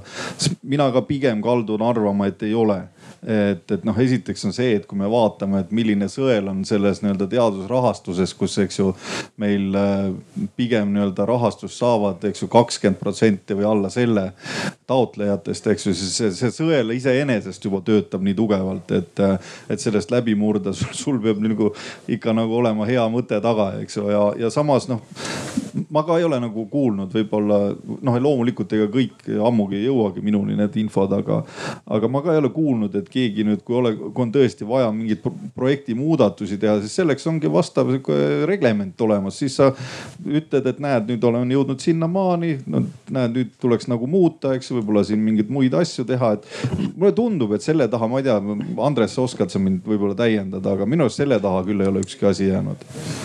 jah ma, ma tahaks äh, ikkagi oma, oma iga noh, et ettevõtja ajab oma asja, eks ole. et äh, tulla selle juurde tagasi, et, et, et jah, põhimõtteliselt me võime võib-olla mõndade valdkondade suhtes on nagu jumala okei okay,, kui me nagu laseme noh, tiksume edasi niimoodi nagu on kahe tuhande kaheksandal aastal, aga, aga selles paganama energeetika valdkonnas on ju Eesti Energia on, äh, teeb, äh, ütleme, see on ime minu arust, et nad selle nagu poolaasta aruanne, aruandes ei olnud äh, Auvere jaama mahahindlust sada milli ja, ja järelikult, et noh, ettevõte on, on punases on ju. kui, kui sa oled, kui sa teed amortisatsiooni sellises numbris on ju, siis aga ma ei tea, kas nad järgmine aasta nagu peavad seda nagu äh, aprillis tegema, nagu olla enda investorite suhtes aus, eks. et äh, hinnata teda turuvääringusse on ju vastavalt sellele, kui ta palju ta tegelikult toota saab et äh, et äh, meil, meil on nagu reaalne revolutsioon toimumas lihtsalt selle CO2 hinna tõttu. ja, ja nüüd järgmine nagu eh, transpordi valdkonnast meil oli eelmine diskussioon, on äh, järgmine aasta juba on eh, emissiooninõue keskmisel autofliidil on üheksakümmend viis grammi kilogrammi kohta äh,, kilomeetri kohta. mina, ma ostsin RAV4 hübriidi ja mul on sada neli, okei okay te peate Auris hübriidi ostma selleks, et te saaksite üheksakümmend viis või üheksakümmend neli. et, et, et see on see mis on nagu keskmine fliidi müüdav keskmine. tähendab, et selleks, et sinna siis jõuda ja nagu uus mingi äh, M, see äh, M-klassi äh, näiteks Mercedes on ju või C-klassi Mercedes, see on lõdvalt sada kolmkümmend, sada viiskümmend, nii edasi. ehk et transpordis tänu sellele Euroopa Liidu regulatsioonile, mis hakkab juba järgmine aasta kehtima, igal juhul toimub regulatsioon, et, et see emissioonide vähendamise surve, mis meil on juba kahe tuhande viiendal aastal nagu nõukogu poolt fikseeritud kaheksakümmend protsenti kärbe. see on nii uskumatult tohutult suur, et me ei nagu see on täiesti erakordne oleks see, kui me nagu ka järgmisel aastal, ülejärgmisel aastal eiraks seda, mis tegelikult nagu äh,, millega, mille me oleme allkirja pannud, mille osas me oleme kohustused võtnud, onju. ja äh, siin see vajab ka teaduse võttes äh, nagu mitte lihtsalt nagu äh, status quo säilitamist, vaid nagu ka uuesti hoopis teistmoodi panustamist. see reaalsus on lihtsalt nagu meid nüüd vasaraga näkku löönud, et meil Eesti Energia on kahjumlik ettevõte. kuule, aga kuidas sul praegu tundub, et äh, selles samas sinu nii-öelda äh, südameteemas, eks ju, et kuidas sa näed, et kas, äh, kuivõrd potentsiaalikas on selles valdkonnas hakata nagu spinnima teadusest Eestis? me selles valdkonnas ütleme, äh, mis puudutab elektritransporti näiteks, siis äh, absoluutselt. Selles mõttes, et me ei hakka nüüd ju tegema küll äh, ise uut Teslat, on ju, aga Conesco, Coneco või see koeru tehas on ju, millel on ka Ida-Virus, meie seal tööstusaladel on üks, see tegelikult teeb neid elektrimootoreid elektrimootorites või inverterite osas, need mingid tüübid tegid ju uue, panid äh, selle Optimizeri TTÜ-s on ju. et see, see paganama äh, elektriauto ju koosneb N10-st äh, või tuhandeste komponendist ja, ja mitte me, me ei pea ilmtingimata patareides, aga seal on terve rida komponente, kus me võiksime olla mitte ainult äh, partner Teslale ilmtingimata, aga siin kõik elektri nagu kõik automüüjad varsti peavad omama vähemalt pool fliidist elektriautosid kümne aasta pärast. sellepärast need emissiooninõuded varsti äh, kaks tuhat kolmkümmend on seitsekümmend kolm äh, et me nii selles, aga nüüd tulles tuumaenergeetika juurde on ju, et mis Soomes, Rootsis on suur, tugev ja, ja jätkuv ja neil on e-, eraldi teadusstrateegia selle jaoks, ma eile lugesin selle nende TEM-i koduleheküljelt. et äh, riik ise ei saa selles valdkonnas toimetada, e, kuna e, ilma, et tal oleks teadusraamistik selleks olemas. lugesin eile IAEA nagu äh, vastavaid äh, standardeid ja see spetsiifiliselt ja konkreetselt nõuab, et riigil oleks äh, teadusstrateegia äh, ja süsteem mis puudutab tuumaenergeetikat. sest see, see on ainuke viis, kuidas äh, omandada kompetentsi ja valmistada ette personali, kes on pädev ja kompetentne. ja seda selgelt äh, Euroopa Liit üldiselt tuumaenergeetikat palju ei reguleeri, aga ta reguleerib ühte pisikest asja, Euratom kaheksakümmend seitse, kaks tuhat neliteist direktiiv ütleb inimesed peavad olema pädevad ja see on kaunis oluline nõue aga võib-olla no ma kohe hüppangi äh, noh kui üks mingi muutus, mida Eestis noh, mis paratamatult toimub, mis, mida me peame tegema ja kus tegelikult saab kokku raha, teadus ja, ja ka riik, on energeetika. noh, seal me ei pääse, seal on riik lihtsalt nii olulises rollis. see ei ole ja noh, see on võib-olla see koht, kus me saame Eestis ära testida, et kas me suudame seda asja nii-öelda teistmoodi teha kui enne. ma võin sulle teist, ma võin sulle teise koha veel tuua, on haridus.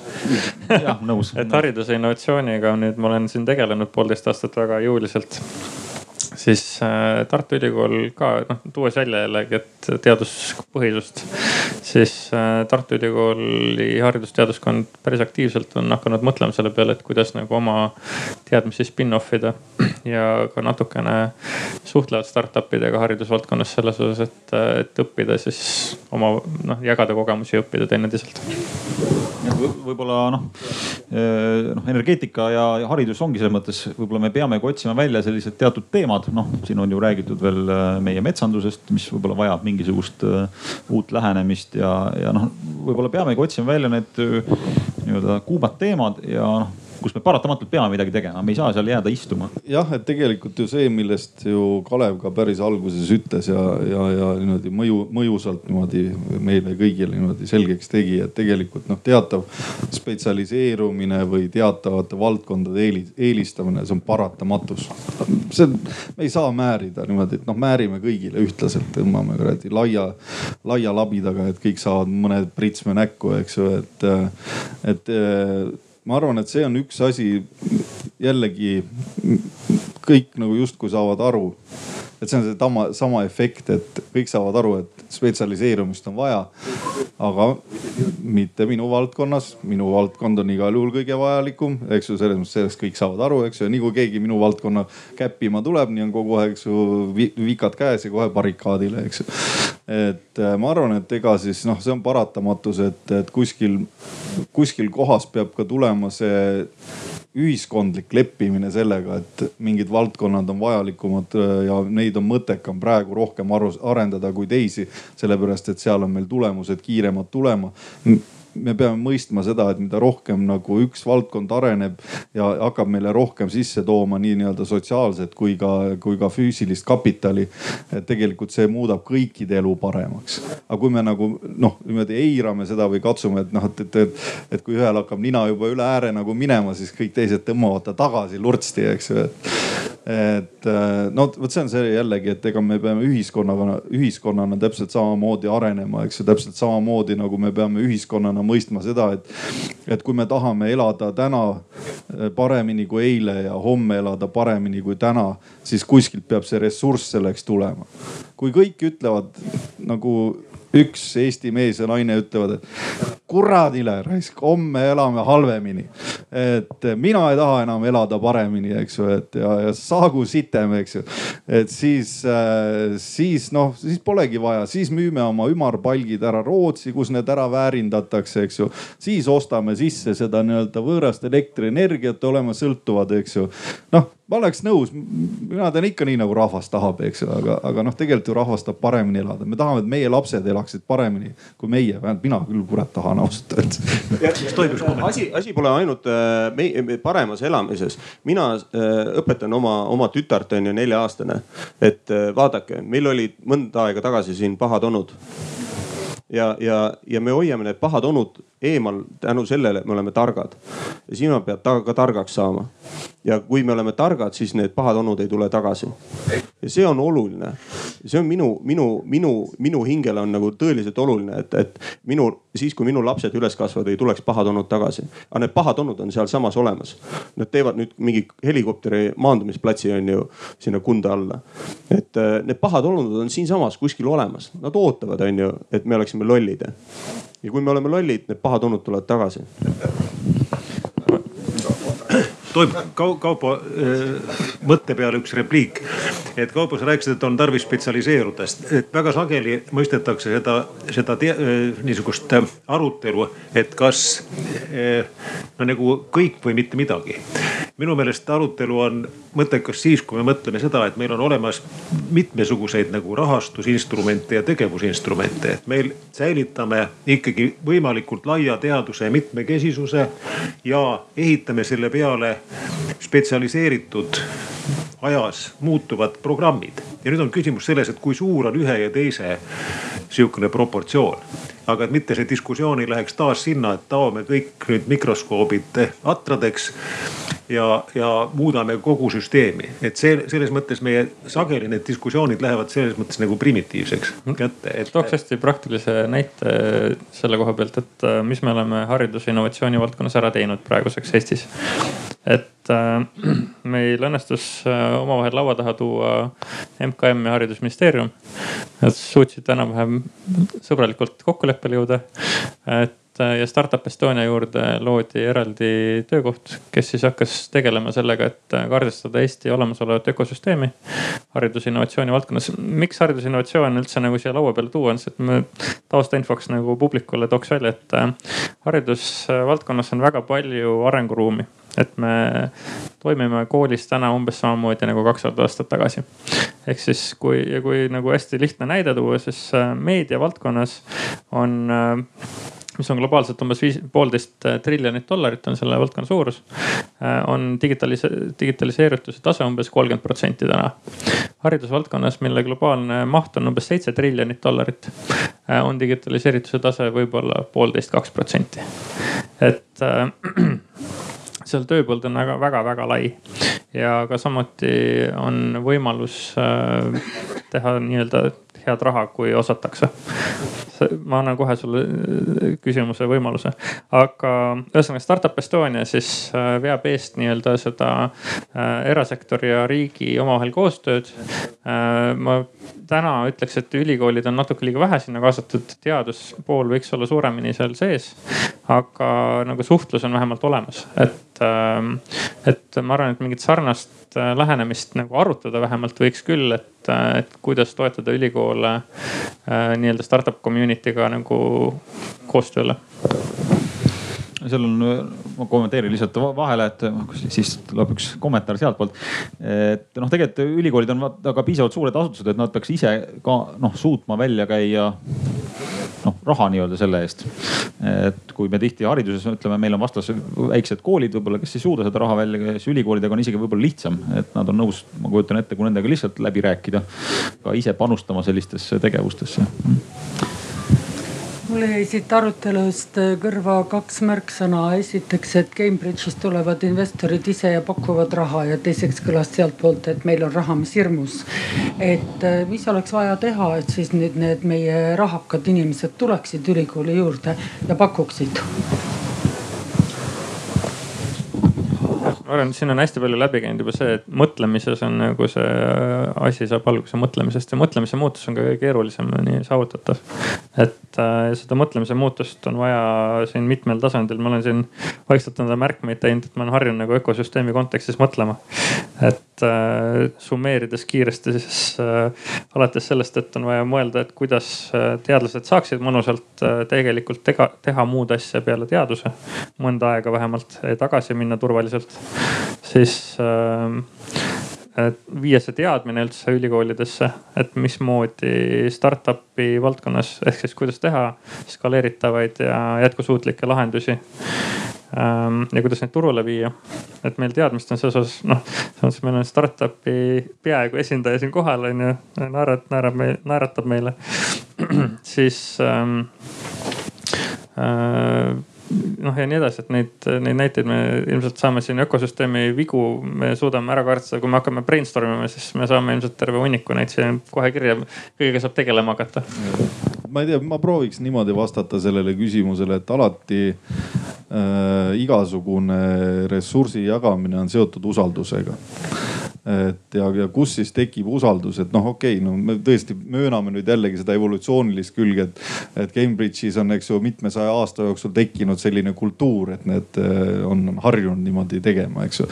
sest nad teavad, et kui nad panevad, siis nad saavad sealt tagasi et äh, ma arvan, et see mõnikord. saavad, aga selles mõttes see kultuur ütleb ka seda, et pane, ju sa ükskord ikka saad, eks. au, ausad ikkagi. jah, et, et selles mõttes siin on, siin on kindlasti jälle see, et kus, kus äh, paratamatult ega siis see nii-öelda vaba kapital või, või vaba kapitali investeerimine nii-öelda keerukamatesse pro projektidesse on ju ka niimoodi, et me oleme lihtsalt arenenud sinnamaani, kus nüüd meil on see kapital tekkinud ja tegelikult eh, see kapital alles harjutab tegelikult praegu sellist nagu siis süsteemi, et noh, see, see on ka natukene nagu noh, ta peab lihtsalt noh, loomulikult meie asi on nende samade fondidega natuke näidata ette ja eeskuju, et kuulge, et kui te panete, siis suure tõenäosusega sealt saab, eks ju. aga teisest küljest, see on, see on minu arust nagu väga hea küsimus. et eh, see usalduse, usaldus, kuidas see usaldus tekib? ikka läbi inimeste, ainult läbi inimeste. et kui sa võtad endale mõne teadlase tööle ettevõttesse ja ja sa näed, et ta lahendab ära sul mõne küsimuse ja vaatab asjadele hoopis teistmoodi. siis sa saad aru, et okei okay,, nähtavasti on mõtet nende juures tihedamini käia et, et kindlasti see nii-öelda mobiilsuse küsimus ka selle, selle nagu pointi juures, et ja, ja, ja nüüd, nüüd järgmine küsimus sugulaselt, eks. jah, vabandust, sugulased on okupeerinud, aga et eh, lihtsalt ma ei, algusest peale ei kuulnud, aga lihtsalt mulle tundub, et nagu see, mis siin hästi palju läbi käinud on inimeste teema, et lihtsalt, et selleks, et nagu ennast paljastada, siis minu vennad on need, kes Bolti teevad. mina ei tee Bolti, mis tähendab, et ettevõtlusharidus kui selline on noh, minu jaoks väga kahtlane kontseptsioon, sest noh, ei ole ühtegi asja, kuidas suuta mind õpetada tegema unicorn'i. mul on mingisugused teised asjad, aga see minu meelest näitab ikkagi hästi palju seda, et küsimus on selles, et kuidas need erinevad inimesed kokku tuua. Kaupo, sa ütled, et tea, ettevõttesse võetakse tööle üks teadlane. aga et küsimus on nagu selles, et selleks, et see ettevõte taipaks, et on vaja võtta tööle see teadlane, ta peaks nagu teadma, mis on nagu olemas, et nagu minu meelest nagu hästi palju on noh, see, et näiteks materjaliteadlastele õpetatakse projekti kirjutamist. aga kas projekti kirjutajatele materjaliteadust ka õpetatakse? et nagu minu jaoks nagu hästi palju see küsimus, et nagu minu meelest, kui me vaatame seda, milline on meie teaduse ja akadeemiline mudel, siis ettevõtlikud inimesed ei hakka teadlaseks, nad ei suuda sellest asjast läbi minna ja ellu jääda. nagu doktorantuuri nagu sellisel inimesel, kes tahab unicorn'i teha, noh ta ei jõua sul, ta ei jõua sul tavaliselt magistrisse baka nagu noh doktorantuuris rääkimata, et minu jaoks on just küsimus selles, et kuidas tuua kokku inimesed juba bakas nagu majandajad, PR-id, materjaliteadlased, et nad nagu teaks üksteist, et nad oskaks, neil oleks mingid kokkupuutepunktid, sest noh, meil on IT-ga on seesama probleem on ju.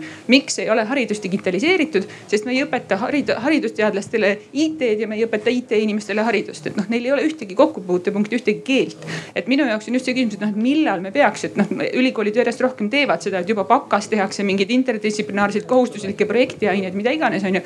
aga just see, et noh, et me ei saa teha mikroskoope atradeks, aga me ei saa kõiki teadlasi ettevõtjateks teha. et meil on vaja segu. ma olen igati nõus Maiaga, et, äh, et see on nagu point, mille peale kindlasti tuleb tähelepanu pöörata, et lihtsalt ma ei tea, ma hakkasin vaatama, et vist mingi teine esinemine hakkas kuskilt, rahvas tõusis, hakkas nihelema. meil, meil, meil sai aeg täis tegelikult aga äh, võib edasi loomulikult arutada. siia tuleb uus seltskond, me peame siit vaikselt ära minema. aga keegi ei keela siin minna ühe ilusa puu alla või, või puu kõrvale ja seal natuke juttu edasi ajada ja Facebookis muidugi saab alati jätkata lõpmatuseni arutelusid. aga tegelikult võiks ju nii-öelda lõpetada mingi teatava parafraseeringuga siis pealkirjast, et, et kas järgmiseid äh, Skype'e ja Bolt'e tuleb siis nii-öelda Eesti teadusest, eks ju. siis ma ütleks niimoodi, et, et meil ei ole mitte ainult vaja Skype'i ja Bolti Eesti teadusest, meil on ikka mutreid ja Bolte ka vaja, eks ju, et noh, selles mõttes, et neid ehk neid inimesi, neid tarku inimesi, kes meie ettevõtetes nagu toimivad. ja see oli äh, tegelikult väga hea kokkuvõte ja noh, et lõpuks ega tööjõud määrab kõik ah, ja, ja mida mina ütlen, et, et mida me lõpuks, et need rääkides inimestest, me oleme muutumas juba sihtriigiks kujuta ette, isegi tuumaenergeetikas meie projekt on nagu muutunud nagu nihukeseks huvitavaks projektiks on ju, et meil tulevad Šveitsist inimesed siia, vaatavad, kuidas saaks, oleks siin tööd teha. järgmine nädal tuleb meile inimene külla. no nüüd sa läksid poliitiliseks ah,. ei sorry et loomulikult, et me peame olema avatud. ja, ja see selle, selle kaudu, selle kaudu tegelikult äh, tekib nagu noh, kõik AdCash ja need, need on ju tegelikult äh, väga paljuski rahvusvahelised ettevõtted ja, ja, ja olles, okei okay,, ma ei ole mitte poliitiline, aga olles äh, nagu selline teaduspõhine ja atraktiivne koht, me, me, me tegelikult õnnestub ka neid mutreid ja polte teha